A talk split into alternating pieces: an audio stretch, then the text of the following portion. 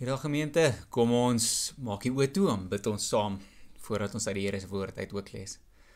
Hemelse Vader, dankie dat ons die geleentheid het om volgende weer ons oë toe te maak om te kan bid, om vandag U naam aan te roep en te weet dat U is ons Hemelse Vader, U is die enigste God. U naam is die mooiste naam, die enigste naam bo alle name. En daar sal nooit ooit weer 'n naam soos U sin wees nie. Dankie dat ons die voorreg het om U te kan ken, om U naam aan te kan roep. U wat die skepper is, nie net van die hemel en die aarde nie, maar ook van ons lewens. En dat U hierdie lewe in lewensasem in ons ingeblaas het. Wanneer ons dan vandag ook so saam dink en lees uit die woord uit, daaroor nadink, wil U asseblief ons kom seën in hierdie tyd en met ons wees. Ons bid dit in die naam van Jesus Christus, die Here. Amen. Ons gaan vandag twee gedeeltes saam lees. Die een kom uit Psalm 94 en die ander gedeelte kom uit Johannes 14 as jy dit miskien sou wil opsoek. Psalm 94 en Johannes 14. Ek gaan eers 'n bietjie van 'n inleiding gee voordat ons by daardie twee teksgedeeltes eintlik ook kom. Ek weet nie of julle die lied ken nie, maar dit is 'n lied van Joe. Niemand, uh, miskien sal 'n bietjie meer van die jonger mense hom ken en die lied se naam is Ek sal nie bang wees nie. Nou ek dink die titel van die lied kom sê sommer eintlik al klaar baie, maar die koorgedeelte van die lied klink soos volg. Dit sê ek sal nie bang wees nie vir onheil in die dag of vir woesting, ekskuus vir onheil in die nag of vir woesting in die dag. Ek sal nie bang wees nie al val 1000 aan my sy of 10000 hier langs my. Ek sal nie bang wees nie. En die res van die lied vertel eintlik net vir ons dat ons by God kan skuil en dat God ons veilig sal hou. Dit klink nogal soos woorde wat uit 'n Psalm uitkom nie. Ek seker dit is besmoontlik ook waar dit vandaan kom as mens so 'n bietjie mooi gaan kyk na die woorde. En vandag wil ek vir jou vra, waarvoor is jy bang? En ek bedoel nie as sulks net in hierdie tyd vir die COVID-19 en alles wat daarmee saamgaan nie. Natuurlik is daar dit ook soos hoe langer besighede toe bly en hoe langer skole toe bly hoe langer ons nie na ons werk toe kan gaan nie, hoe moeiliker is dit om eintlik net vir alles weer aan die gang te kom en hoe meer bekommerd raak ons oor hierdie dinge. Maar ek bedoel eintlik sommer oor die algemeen. Waarvoor is jy bang? Of watter vrese is daar miskien wat jou lewe lank nog by jou was? As jy miskien vir 'n oomblik sou sit en stil wees en bietjie daaroor dink, wat is dit wat eintlik dan by jou opkom? Nou bang wees en vrese is nie 'n skande nie. Maar ons voel dikwels baie sleg wanneer ons bang is vir iets, tot op so 'n mate dat ons eintlik dit nie vir ander mense vertel nie en nie vir hulle daarvan wil sê nie, want ons voel dis 'n skande en ons voel dit is sleg. En daarom wil ons nie vir mense iets daaroor sê nie. Maar die realiteit is dat van tyd tot tyd word ons bang en kry ons lewensvrese in en dan duik hierdie dinge in ons lewe op en ons besef dit is deel van die lewe. Die plek waar mens dikwels vergeet dat God eintlik by ons is en dat daar ander mense ook is en dat ons hierdie pad saam met God en mense kan stap. En dit behoort ons ook in daardie tyd eintlik te te kan onthou. Maar die slegte ding is dat vrees wat nie hanteer word nie, is 'n vrees wat later iemand se hele lewe kan oorneem. En dis waar ons nie wil wees in ons lewe nie en daarom moet ons dit hanteer. Daarom moet ons met God daaroor praat en ook met mense daaroor praat en seker maak dit word reg hanteer. Nou net 'n laaste ding voordat ons uit die Bybel uit gaan lees is dat in my werk werk ek met mense vanuit verskillende fases van die lewe. En daarmee bedoel ek nou nie verskillende ouderdomme nie, Maar wat ek bedoel is mense wat op 'n hoogtepunt in hulle lewe is, met wie dit wonderlik gaan en daaroor is ons altyd baie bly. Maar ook met mense wat op 'n laagtepunt in hulle lewe is, mense wat in moeilike omstandighede van hulle lewe is. En die interessante vir my is dat ek het dit al gekry dat daar mense is wat sê, man, vrese en bekommernisse en dinge soos depressie bestaan nie. Dis sommer net in mense se koppe en mense maak dit op. En iets wat ek vandag wil kom sê, dalk bietjie van my hart af kry, is dat ons moet onthou omdat ons nie op daardie oomblik in ons lewe voel soos wat iemand anderster voel nie, beteken nie dat vrese en depressie en angs nie bestaan nie. Dit is 'n realiteit. En selfs die feit dat ons daaroor lees nou in die Bybel en volgende ook gaan, kom sê vir ons dat dit is iets wat oor baie jare al saamkom. En daarom moet ons dit nie ontken nie of nie sê omdat dit nie vir ons so is nie, beteken nie dat dit nie vir iemand anders kan bestaan nie. So wees liewerster bly as ons op daardie oomblik nie so voel nie, maar ons erken dit is so vir ander mense ook. Nou Psalm 94, ons gaan net so 'n bietjie van die later gedeeltes aflees daarvan vers 12 af. Maar die eerste paar verse as ek dalk net vinnig daaroor kan kon kan kom vertel. Vertel vir ons van goddelose mense en dit beskryf vir ons dit dit is hierdie soort van mense wat op ander mense trap. Hulle gee nie om vir ander mense nie. Hulle is mense wat slegte dinge aanvang met ander mense op ander mense trap en dan spog hulle ook eintlik nogals daarmee. En dikwels is dit sulke mense wat juis maak dat party mense bang word of vrees het in die lewe as gevolg van hierdie mense. En eintlik kom pleit hierdie skrywer van Psalm 94 dan en sê Here, sorteer asseblief hierdie mense uit, straf hulle dan asseblief as dit u wil is. Maar U moet asseblief op 'n manier hierdie mense wegkry van ons af. Want sulke mense is onvoorspelbaar en ons hou nie van sulke mense in ons lewe nie. En dan vers 12 tot 15 wat ons nou gou gaan saam lees, as ek net vinnig kom sê is eintlik so 'n soort van 'n tussenin stuk in hierdie Psalm waar daar 'n draaipunt eintlik kom in hierdie Psalm ook dan. En dan vertel dit vir ons dat ons moenie te haastig hierdie situasies van bang wees en vrees uit die Here se hand uit kom ruk wanneer ons dit vir hom gegee het en weer self probeer hanteer nie. Ons moet dit los by die Here. Want die Here sal sorg dat reg en regverdigheid geskied en hy sal op sy eie tyd hierdie dinge uitsorteer en sorg dat dit ook mooi sal uitwerk vir elkeen van ons. So ons moet rustig wees en geduldig wees en dit in die Here se hand los. As sy kinders moet ons hom daarvoor vertrou. Nou kom ons lees vers 12 tot 15 en hoor dit wat ek dan nou ook gesê het nou oor oor hierdie gedeelte. Daar staan dit gaan goed met die mens wat deur u opgevoed word, Here, vir wie u onderrig in u woord en vir wie u rus gee na tye van teëspoed. Maar vir die goddelose word die graf reeds gegrawe. Die Here verstoot nie sy volk nie. Die volk wat aan hom behoort, laat hy nie in die steek nie. Die regspraak sal weer regverdig wees. Alle opregtes sal hulle daaraan kan hou. So die punt is, doen wat die Here van ons vra. Maak seker ons lewe soos wat hy wil hê ons moet en maak seker ons gee die situasie in sy hand en hy sal op die einde van die dag die dinge laat uitwerk soos wat dit moet. Nou hierdie vrese waarvan ons gelees het, het eintlik is eintlik die mooi oorgang na die res van die Psalm toe, dit wat eintlik daarna gebeur. En wanneer mense die res van die Psalm lees, is dit natuurlik so geskryf met dit wat ons in gedagte hou in die begin dat daar goddelose mense is. Maar daar's 'n klompie verse, 'n klompie dinge wat gesê word wat eintlik nie net te doen het met ander mense teenoor of mens regverdig leef of goddelose mense is nie, maar wat ons eintlik in klomp situasies van ons lewe van toepassing kan maak op ons lewe en wat ons ook dan moet onthou. Ek gaan so 'n paar van daai verse nou nou uit um uitlig wanneer ons dit klaar gelees het ook dan. Maar iets wat ons moet onthou is dat ons moet mense wees wat God se kinders is en wat toelaat dat God ons onderrig, dat ons onderrig word deur sy woord en dat ons dan daar volgens lewe.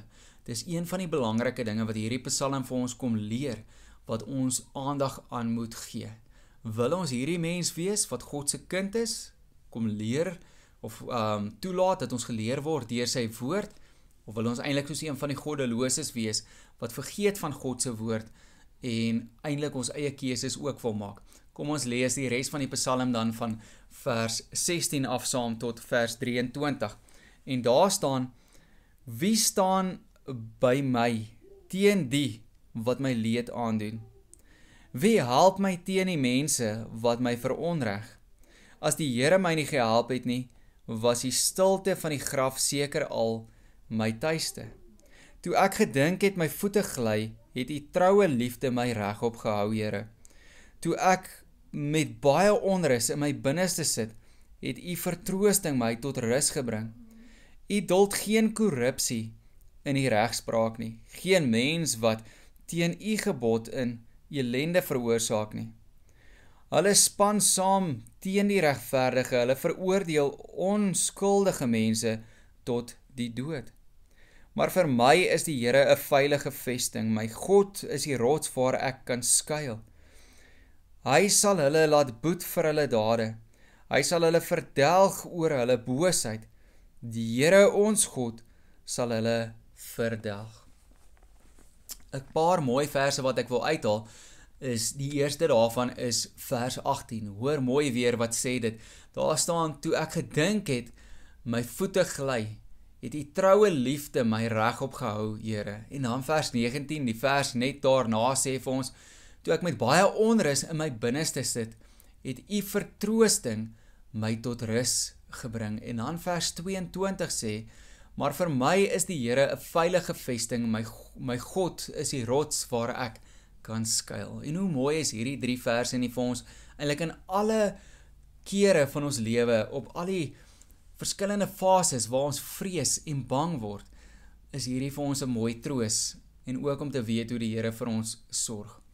Nou duisende jare gelede het hierdie skrywer waarskynlik Dawid ook sekerlik so gevoel, gevoel dat sy voete gly, gevoel dat hy die Here nodig het en daar was onrus in sy binneste gewees.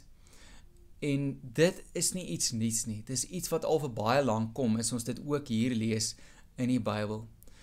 En dit is soms hoe ons ook voel in ons lewe. En God weet dit, want hy het ons immers gemaak. Hy weet dat ons mense is wat soms bang kan word. En daarom wil hy dit hê dat wanneer ons voel asof ons wil weghardloop, dat ons liewerster na hom toe sou hardloop. Wanneer dit voel asof ons voet gly, dat ons sal toelaat dat ons gly in die Here se teenwoordigheid in. En wanneer ons die veiligheid van iemand nodig het, dat ons na die veiligheid van die Here toe sal gaan. En nou moet ons onthou dat hierdie Psalm is in die Ou Testament geskryf. Maar daar is iets wat eintlik nog meer spesiaal is en dit is dat wanneer ons kyk in die Nuwe Testament, dan hoor ons by Jesus se geboorte dat daar word vir ons vertel dat wanneer Jesus gebore word, sal hy genoem word Immanuel en dit beteken God met ons. Want ewe skielik op 'n baie mooi, unieke manier sal God met ons wees deur sy seun Jesus Christus. Maar omdat Jesus as mens op aarde geleef het, en toe gekruisig is en gesterf het, weet ons dat Jesus nie vir altyd as mens by ons op aarde sou kon wees nie of saam met die mense in die tyd waarin hy dan geleef het. En dan is die vraag by ons daar as Jesus dan weer moes teruggaan hemel toe of dan nou moes sterf of op watter manier ook al dan hier van die aarde af moes weggaan in hierdie geval natuurlik om op te vaar na die hemel toe soos wat ons geweet het weet dit ook dan gebeur het beteken dit dan nou dat God nie meer by die mense sou wees nie. Sou Immanuel ewe skielik van die mense af weggeruk word en God se teenwoordigheid van hulle af weggeruk word en die antwoord is nee maar ons kry die antwoord ook dan in die teks wat ons gaan lees in Johannes 14 En dit bring ons by gedeelte van vers 15 tot 31. 'n Bietjie langer teks, maar kom ons lees dit saam en hoor ook wat dan daarso staan in Johannes 14 vers 15 tot 31. Daar staan: As julle my liefhet, sal julle my opdragte uitvoer. Ek sal die Vader vra en hy sal vir julle 'n ander voorspraak stuur om vir julle om vir ewig by julle te wees, naamlik die Gees van die waarheid. Die wêreld kan hom nie ontvang nie omdat hulle hom nie sien nie en hom nie ken nie, maar julle ken hom omdat hy by julle bly en in julle sal wees. Ek sal julle nie as weeskinders agterlaat nie. Ek kom weer na julle toe.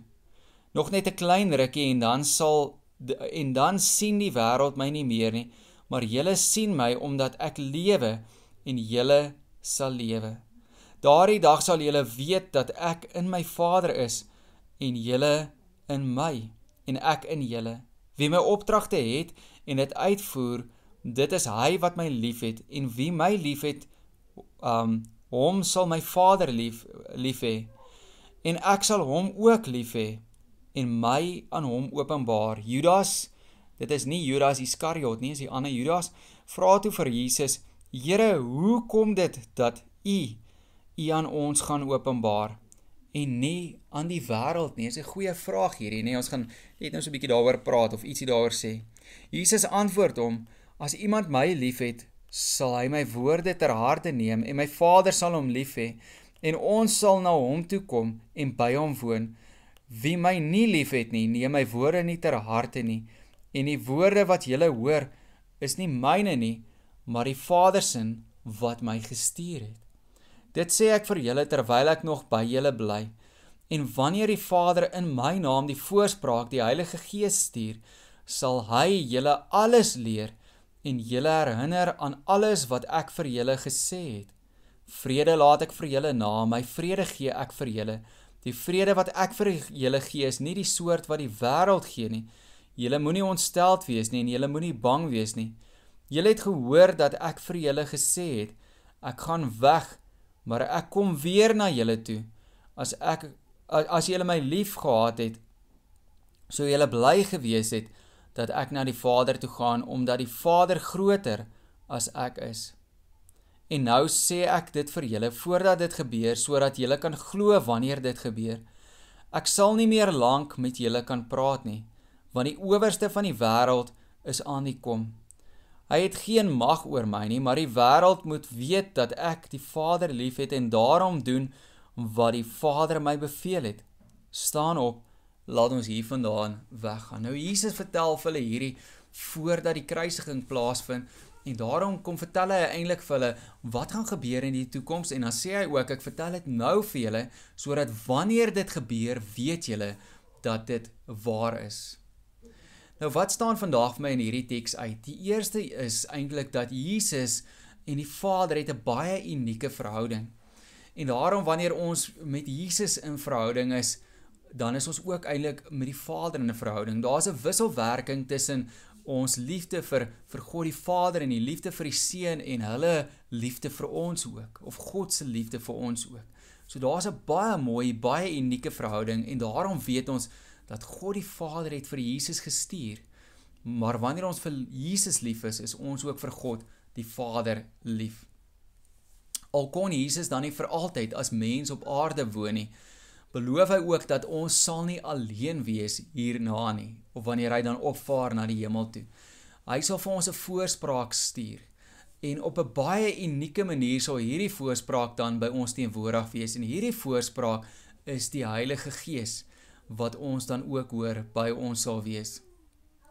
In vers 17 kom vertel vir ons dat die wêreld kan hom nie ontvang nie, maar ons wat God se kinders is, kan hom ontvang. Nou iets wat ons moet van weet of kennis neem is eintlik wat beteken hierdie voorspraak want dit is 'n interessante manier of 'n interessante woordkeuse liewerster wat dan gekies is om hierdie uh, woord van die Heilige Gees dan hierso te vertaal.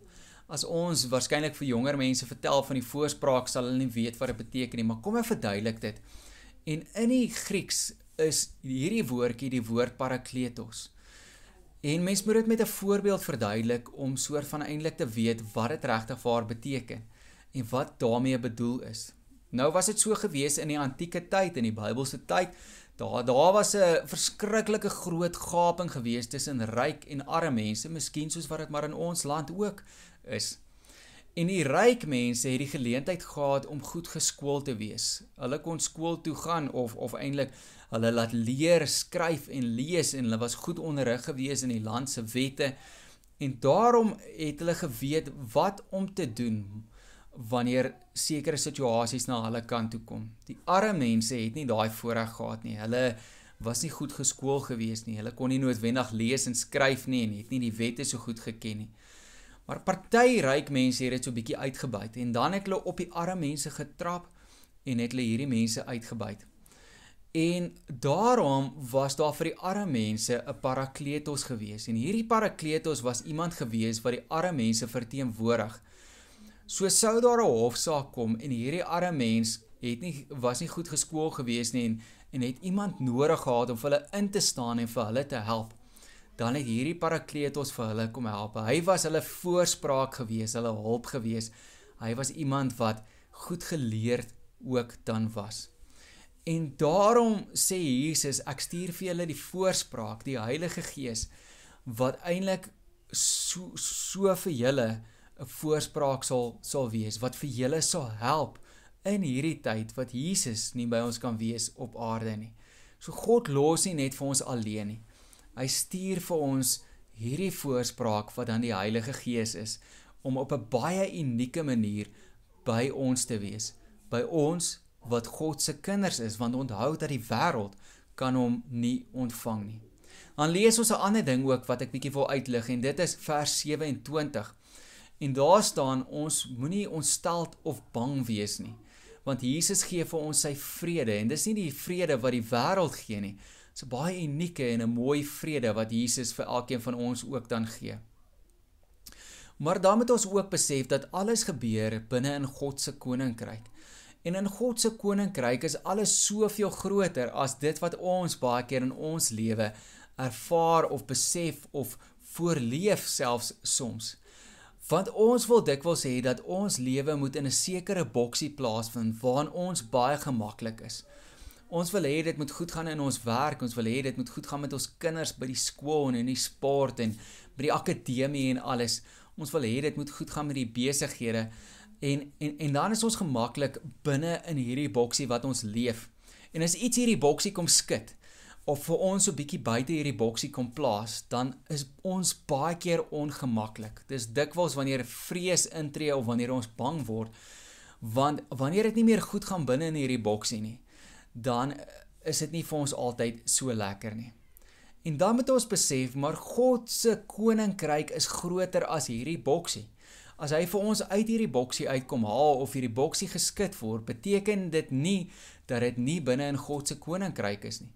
God is nog steeds daar, selfs al is ons buite die boksie.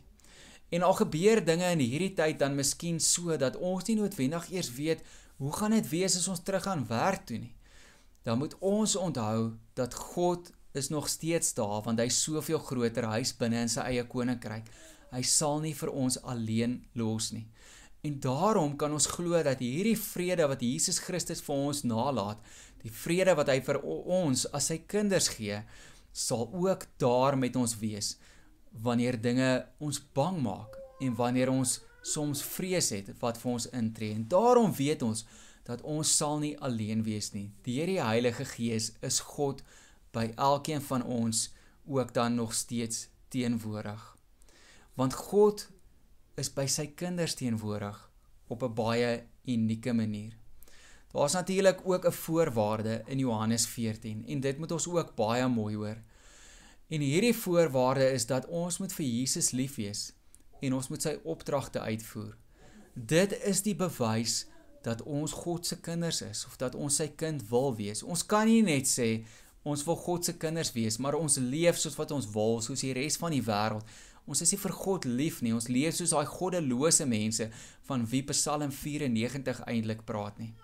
Nee, in Psalm 94 kom sê dit eintlik al reeds vir ons dat mense wat God se kinders is, die regverdige mense, is mense wat moeite doen om hulle self te skool te leer in God se woord. Dit wat hy vir ons kom sê is reg. En dan weer eens in die Nuwe Testament in Johannes 14 hoor ons vandag dat God se kinders is kinders wat vir Jesus lief is en hulle voer die opdragte uit wat Jesus vir ons kom leer het. Dit wat ons ook eintlik vandag in die Bybel kom leer. En dit is die bewys dat ons God se kinders is. En vir God se kinders is daar hierdie spesiale geskenk dat God sal vir ons hierdie voorspraak stuur. Iemand wat vir ons sal help en dit is die Heilige Gees wat by elkeen van ons sal wees.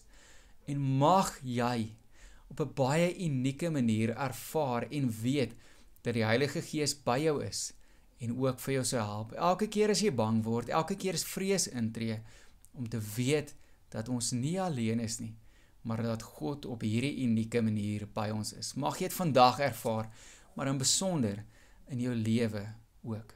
Kom ons bid saam. Hemelse Vader, baie dankie vir hierdie wonderlike voorreg om te weet dat ons is nie alleen nie En soos wat dit vir arme mense in die antieke tyd was dat hulle 'n voorspraak gehad het, 'n helper, iemand wat vir hulle kan intree, weet ons dat U is ook op hierdie manier hierso vir, vir ons. Here, en dit is nie net op so 'n manier dat wanneer ons in die moeilikheid is iewerster en 'n persoon het nodig wat vir ons moet intree en moet praat nie. Maar dit gaan eintlik oor meer wanneer ons ons lewens leef ook en wanneer ons onseker is oor watter besluit ons moet maak, wanneer vrees en bangheid intree, dan weet ons dat U sal in ons harte werk deur die Heilige Gees. U sal vir ons kom rustig maak en U sal vir ons 'n vrede gee en U sal vir ons wysheid gee, die wysheid wat alle verstand te bowe gaan. Here, wysheid wat van U afkom. Wysheid wat by ons sal opkom deur die woorde van U woord waarna ons ook onsself moet onderrig en toelaat dat ons onderrig word. En wil U asseblief dan op hierdie manier deur die Heilige Gees binne in ons kom werk, maar Here ook so groep groter maniere dat situasies op so 'n manier sou uitdraai as wat as anderster as wat ons onsself dikwels kan indink. En op so 'n manier wat ons eintlik net kan sê U is goed en U het 'n wonderwerk laat gebeur. En U tree in vir mense selfs wanneer dit buite ons beheer is. En Here ons weet dat U dit kan doen en U doen dit soveel keer in ons lewens maar ook in ander mense se lewens en dankie daarvoor. Hemelse Vader, wil U asseblief dan in hierdie dag met ons wees en ook in die week wat vir ons voorlê. Kom help ons asseblief om in besonder moeite te doen om die woord op te tel, dit te lees en Here in hierdie week weer wonderlike nuwe dinge te leer, te ontdek van U en te groei in ons verhouding met U. U wat ons hemelse Vader is. Ons bid dit in die naam van Jesus Christus die Here. Amen. Mag dit so wees dat elkeen van julle 'n baie mooi week mag hê, dat jy dit mag geniet en ook in hierdie week die Here se seën beleef. Ontvang ook nou die Here se seën dan. Die Here sal julle seën en vir julle oppas. Die Here sal met deernis na julle kyk en vir julle baie goed wees. Die Here sal julle gebede beantwoord en vir julle sy vrede gee. Amen.